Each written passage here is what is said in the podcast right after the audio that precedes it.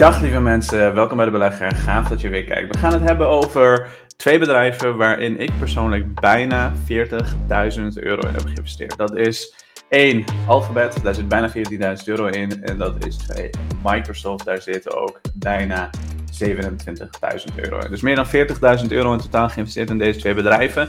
En er is wat aan de hand, hè? want als je kijkt naar op dit moment, voordat de beurs uh, is geopend, uh, maak ik deze video. Misschien wel naar de beurs wat meer.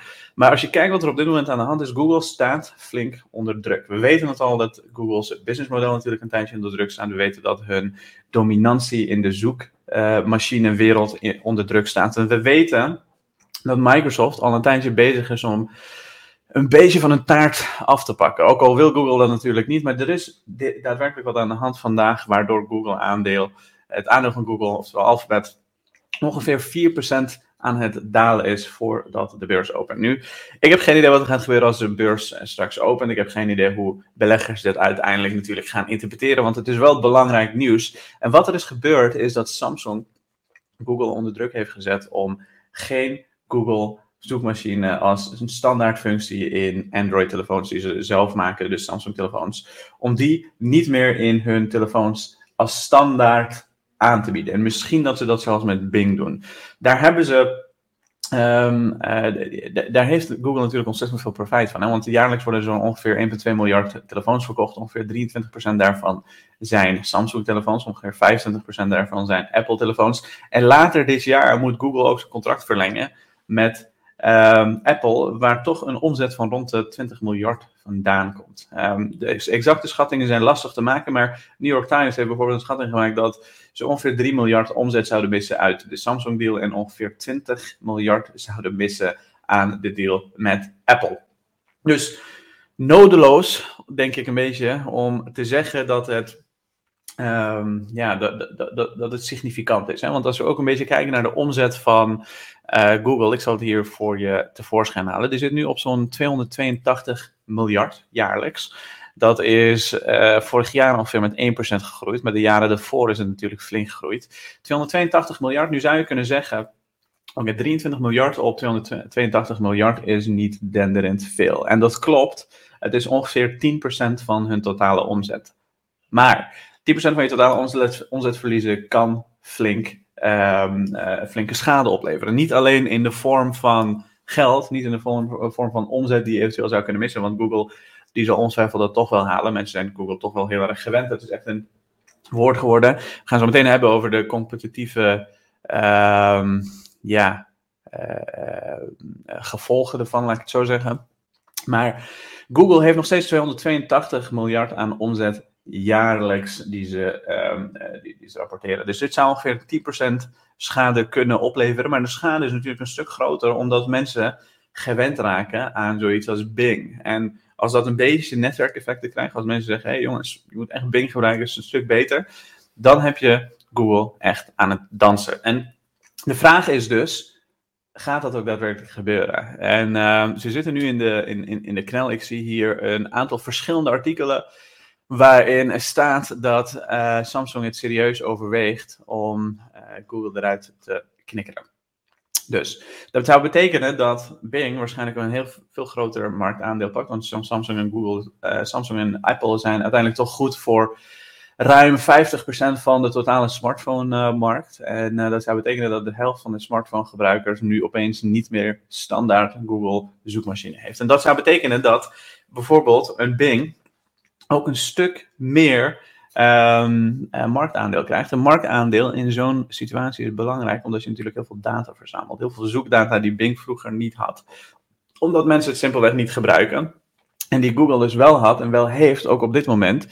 Die zal natuurlijk wegvallen. En die data kan worden gebruikt door een Bing. Bing haalt meer advertentieinkomsten binnen. Zo kunnen ze meer investeren in het uh, verbeteren van hun producten, noem het maar op. En zo kan je een flywheel effect krijgen waarbij Google toch een stuk minder dominant wordt. En dat kan over de loop van tijd heen een stuk minder winst opleveren. Want Google moet bijvoorbeeld gaan concurreren door een stukje prijzen te verlagen.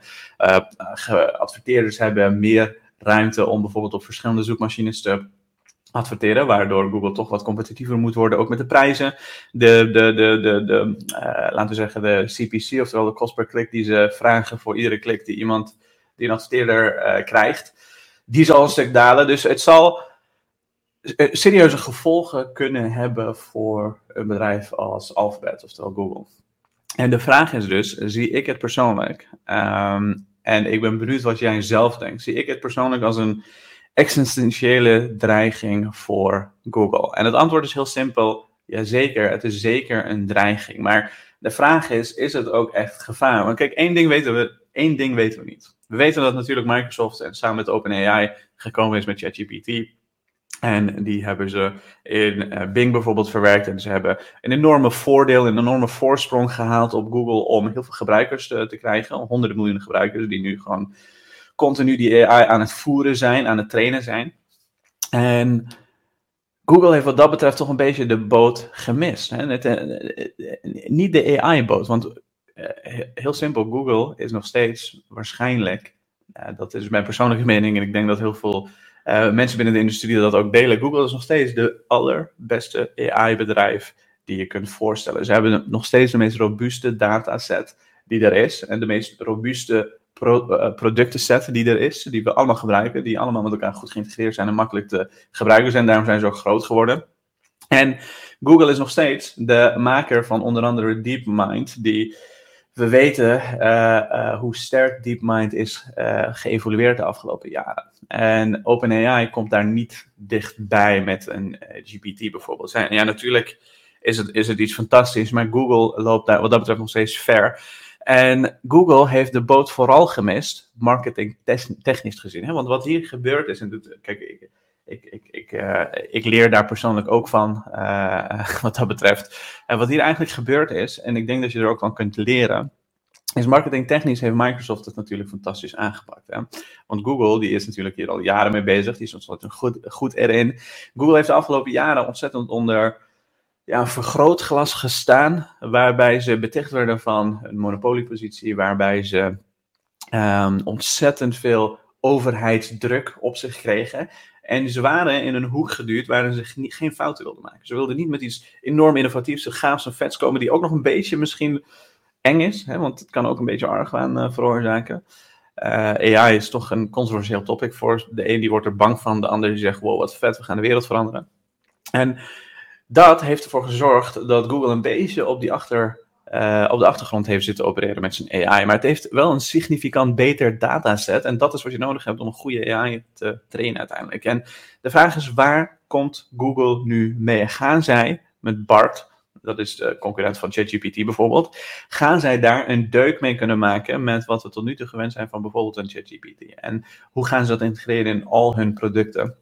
Zodat de gewone consument, de gewone man, uh, het op een hele simpele en eenvoudige manier zou kunnen gebruiken. En dat antwoord van Google, dat is voor mij persoonlijk het afwachten waard. Want ik denk, oké, op de korte termijn kan er natuurlijk van alles nog wat gebeuren.